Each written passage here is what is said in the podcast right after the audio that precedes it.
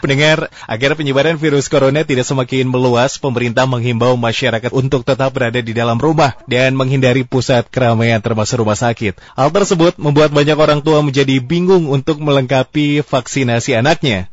Pandemi virus corona berimbas sekali, uh, sekali ya maksud kami pada banyak hal tidak terkecuali jadwal imunisasi putra ataupun putri Anda. Tidak sedikit orang tua juga yang ragu membawa anaknya ke rumah sakit ataupun puskesmas untuk melakukan imunisasi karena takut tertular virus yang sudah menginfeksi jutaan orang di seluruh dunia hingga saat ini. Dan Ikatan Dokter Anak Indonesia menginstruksikan agar pelayanan imunisasi untuk anak ini tetap berjalan sesuai jadwal meski saat ini Indonesia tengah dirundung wabah COVID-19 akibat virus corona. Namun tentunya wajib imunisasi dasar lengkap diberikan kepada anak bukanlah tanpa alasan juga.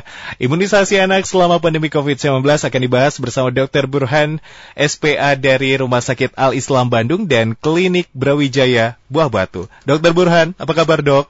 Apa kabar? Alhamdulillah baik. Assalamualaikum. Kang. Waalaikumsalam warahmatullahi wabarakatuh. Bersama Regi di sini, dokter. Iya, Kang Regi. Lagi praktek di rumah sakit kah? Lagi di rumah sakit, Kang Regi. Luar Betul. biasa. Terima kasih telah menyempatkan waktu di kesibukannya. Iya, Kang Regi. Dokter, Burhan, kita iya. membahas mengenai imunisasi anak selama pandemi COVID-19.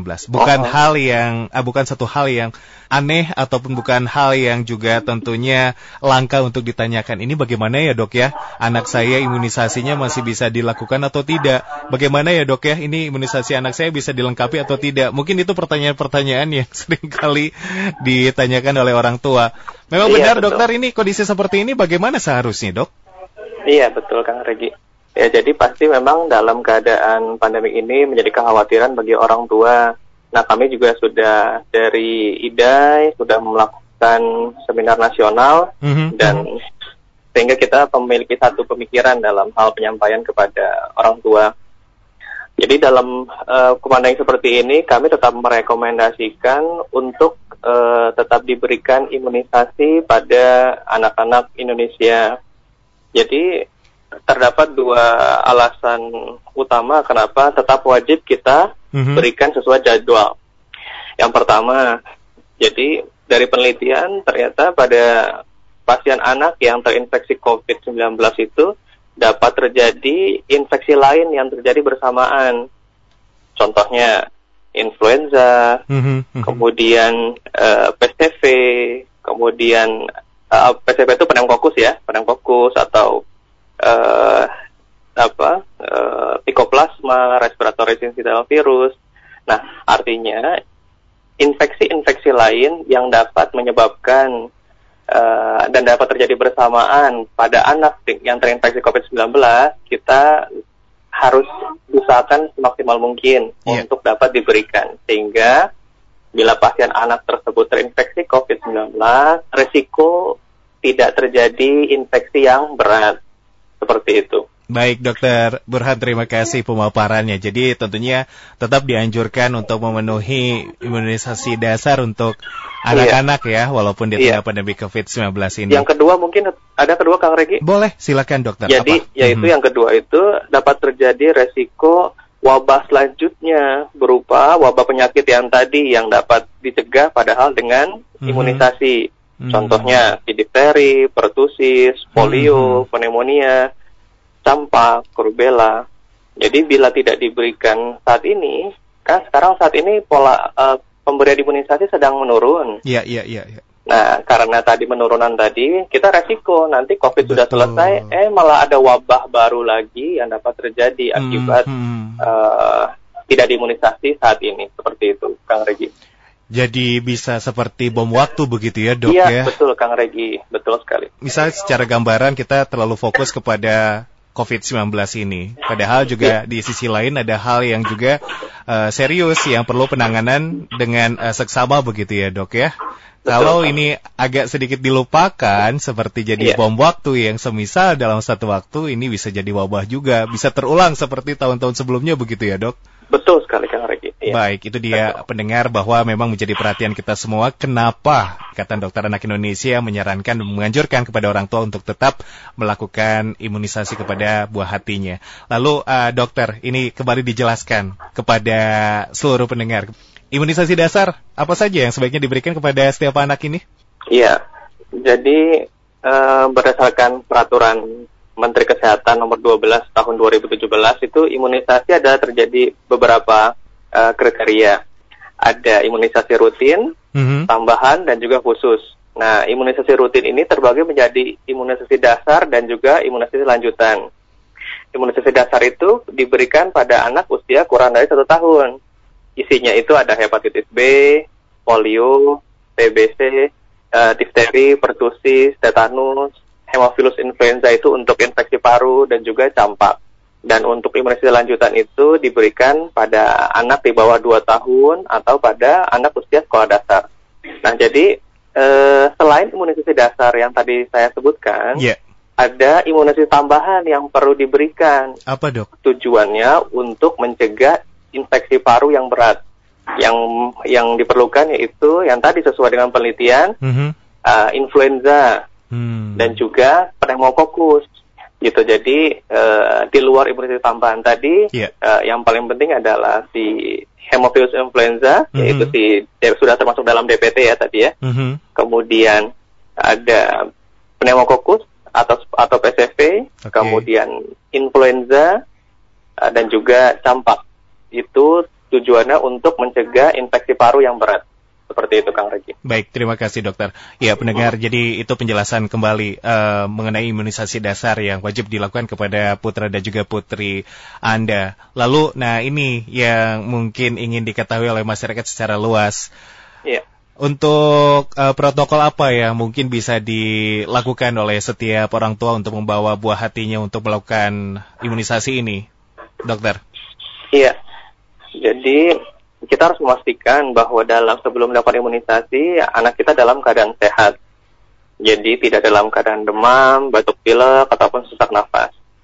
Sebelum terjadi pandemi itu eh, batuk pilek yang ringan dan juga demam itu mm -hmm, bukan merupakan kontraindikasi. Jadi dapat diimunisasi.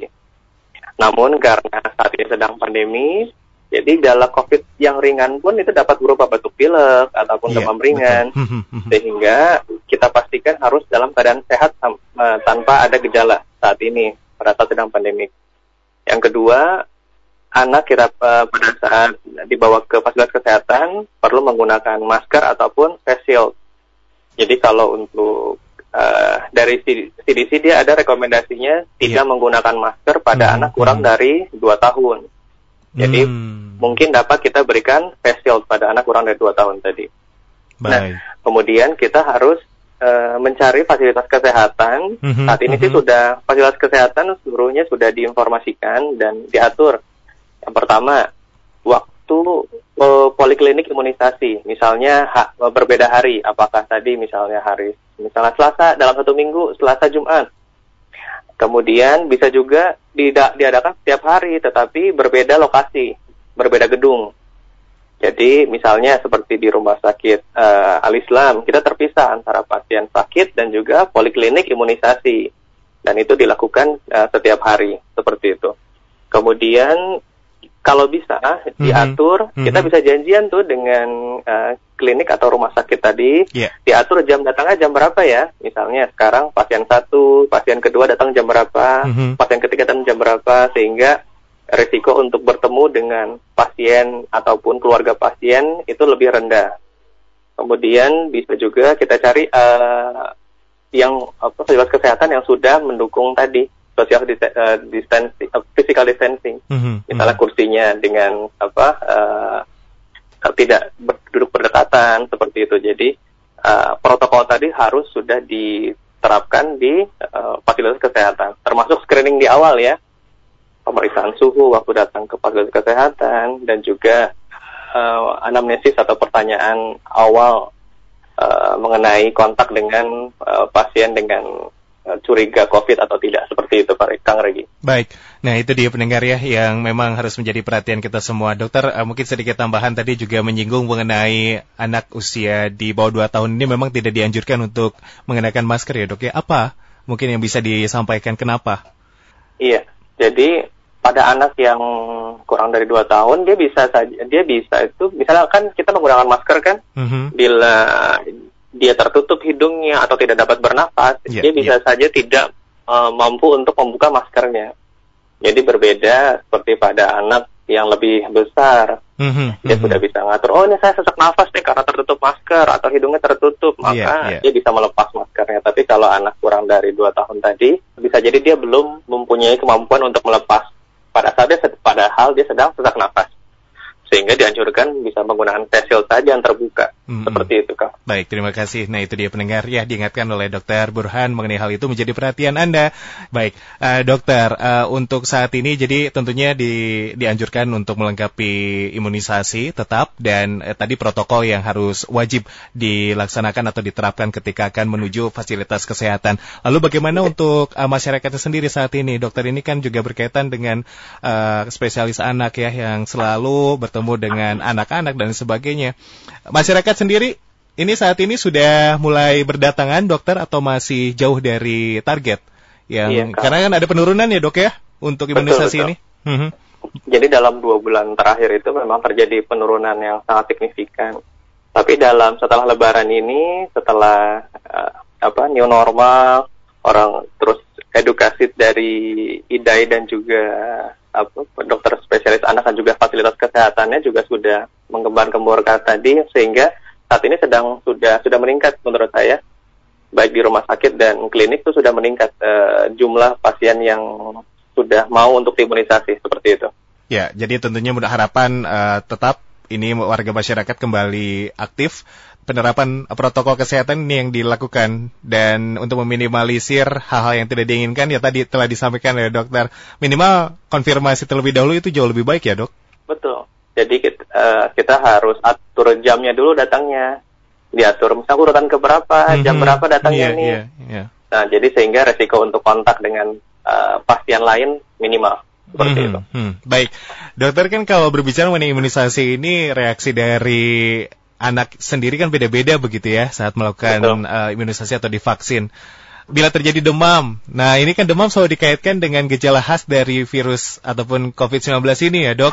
Betul, ini bagaimana betul, untuk mengedukasi atau mengingatkan bahwa reaksi seperti ini tidak hanya selalu COVID-19 saja, tapi reaksi umum yang memang kadang selalu terjadi juga setelah imunisasi ya dok? Iya betul. Jadi setelah imunisasi dapat terjadi kejadian ikutan pasca imunisasi. Mm-hmm. Gejalanya dapat berupa yang paling sering adalah demam. Nah, demam tadi bisa terjadi dalam waktu 24 uh, 24 jam pertama mm-hmm. dan dapat berlangsung hingga sampai tiga hari bahkan. Nah, demamnya tadi tergantung dari jenis imunisasi yang diberikan. Contohnya ada vaksin yang diberikan uh, dia hanya demam ringan saja kurang dari 24 jam tetapi uh, seperti apa DPT combo yang diberikan dari bio apa dari DPT HIV hepatitis B dan juga polio itu diberikan memiliki resiko demam bahkan bisa dapat tinggi dan juga dapat hingga uh, tiga hari. Nah DPT itu kan ada dua tuh, ada yang dia dikatakan tuh ada resiko demam rendah dan mm -hmm, juga mm -hmm. resiko demam tinggi. Nah, itu karena perbedaan jenis vaksinnya saja. Yang satu vaksinnya diberikan seluruh selnya, sebagian uh, yang satu yang satu lagi diberikan hanya sebagian dari sel atau sikumannya, sehingga resiko demamnya tidak terlalu tinggi seperti itu. Okay, Nanti baik. bisa dipilih tergantung dari mm -hmm, uh, mm -hmm. orang tua, mm -hmm, uh, kemampuan orang tua dan juga gejala yang muncul, misalnya pada imunisasi pertama. Oh ternyata pada imunisasi pertama sangat tinggi sekali demamnya dari penggunaan DPT tadi. Iya, yeah, iya. Yeah. Sehingga kita bisa mungkin orang tua akan berpikir tuh, dok apakah kita bisa menggunakan imunisasi yang mm -hmm. resiko demamnya lebih rendah seperti itu. Ini sering terjadi ya dok ya, kekhawatiran Betul. orang tua kepada dokter ya. Betul. Jadi intinya kita pantau dalam mhm. waktu mm-hmm. uh, tiga hari setelah penyuntikan. Okay. Uh, bisa muncul dalam 24 jam pertama dan mm-hmm. juga bisa berlangsung sampai tiga hari. Seperti itu Kang Riki. Sebetulnya ini hal yang wajar dokter? Sangat wajar. Sangat, sangat wajar. wajar. Baik, Betul. jadi tidak perlu khawatir berlebih. Ini terutama untuk orang tua yang uh, baru saja memiliki buah hati ya dok ya. Kadang pengalaman Betul. belum punya, jadi kekhawatiran ini pasti selalu ada begitu Betul, ya. iya. Oke, okay, oh, dok. Kalau misalkan ini uh, seperti yang kita ketahui bahwa imunisasi terjadi penurunan, lalu sosialisasi sudah dilaksanakan. Salah satunya pembahasan kita pada kesempatan siang hari ini mengajak untuk orang tua silakan membawa putra atau putrinya untuk imunisasi. Tapi kalau tetap enggan orang tuanya tidak membawa anaknya untuk divaksin, apakah tenaga kesehatan ataupun fasilitas kesehatan ini uh, jemput bola, dokter? Dalam artian mungkin dengan uh, teknis seperti itu, ini bisa saja? Atau bagaimana strateginya untuk tetap memenuhi bahwa putra putri atau anak-anak ini masih bisa imunisasi? Iya, Kang Regi. Jadi kalau untuk uh, setting di rumah sakit ataupun di klinik itu tidak memungkinkan hal tersebut. Artinya dia tidak mungkin uh, seperti uh, apa namanya misalnya satu warga gitu ya. Mm-hmm, oh, datang mm-hmm. nih ini sudah apa namanya kita sudah langganan dengan klinik atau rumah sakit tersebut yeah, kita yeah. kita datang ke rumah ini untuk melakukan imunisasi tidak memungkinkan. Okay, tapi paling ujung tombak kita adalah puskesmas. Puskesmas ya. Hmm. iya jadi pasti puskesmas itu kan saat ini hmm, juga saya yakin juga sudah menggembar-gemborkan untuk imunisasi kembali. Jadi paling itu yang paling penting ujung tombak kita puskesmas dalam hmm. Pasti secara uh, masif juga sosialisasi sudah dilaksanakan begitu ya? Sudah, sudah, betul sekali. Baik, demikian pendengar. Dokter Burhan, kita ke pertanyaan dari pendengar ya, dok ya? Iya, betul. Ini ada yang masuk di 0811 Ada Ibu Ai di Ciburial. Dok, anak saya ini sudah waktunya imunisasi BCG. Apakah iya. aman kalau imunisasi di puskesmas atau saya ke rumah sakit saja? Iya, sama seperti jawaban tadi yang saya berikan. Jadi kita harus pastikan bahwa fasilitas kesehatan yang kita ingin datangi tadi mm-hmm, sudah menerapkan protokol yang sudah saya sebutkan. Misalnya diatur jamnya, diatur uh, jaga jarak dengan pasien yang lainnya.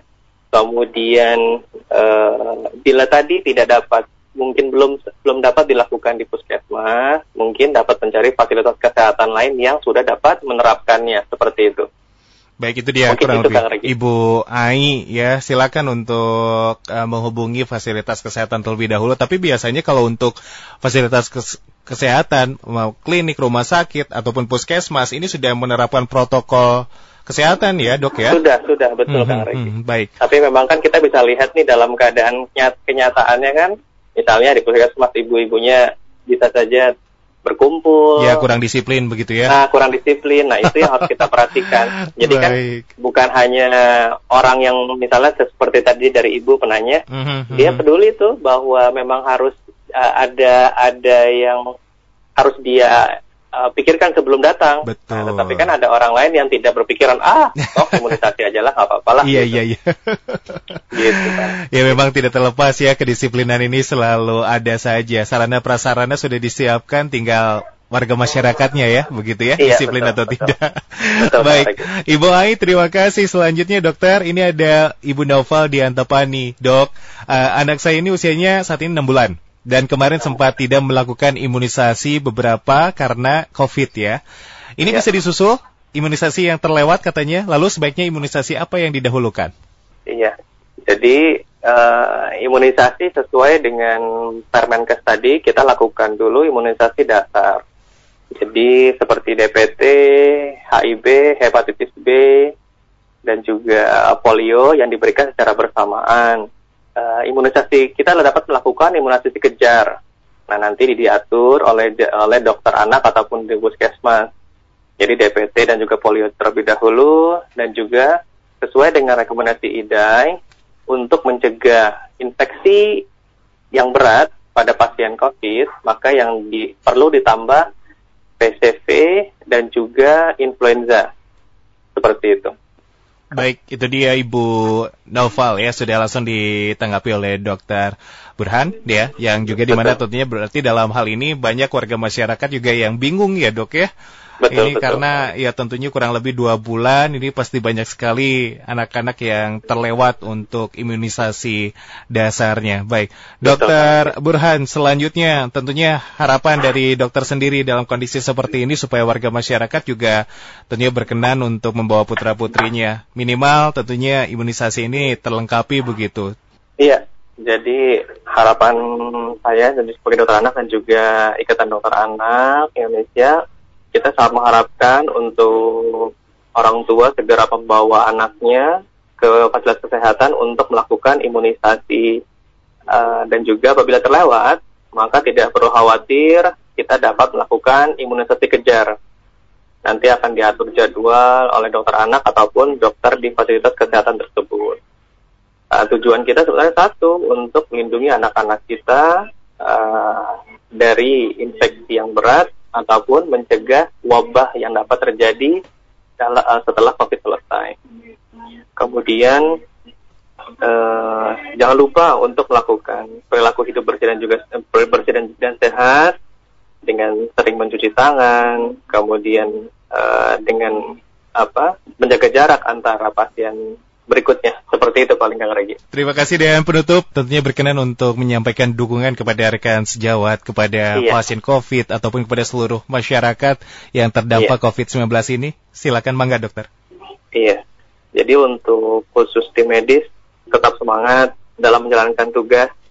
Saya yakin semua uh, sudah berusaha semaksimal mungkin dengan menggunakan alat pelindung diri atau APD jadi semoga kita sebagai petugas medis selalu dilindungi oleh Allah Subhanahu wa taala dan semoga menjadi amal pemberat timbangan di akhirat.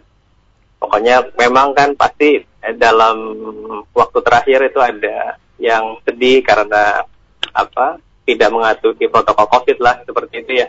Yang Indonesia terserah itu. Betul betul. nah, tapi uh, kita harus tetap semangat.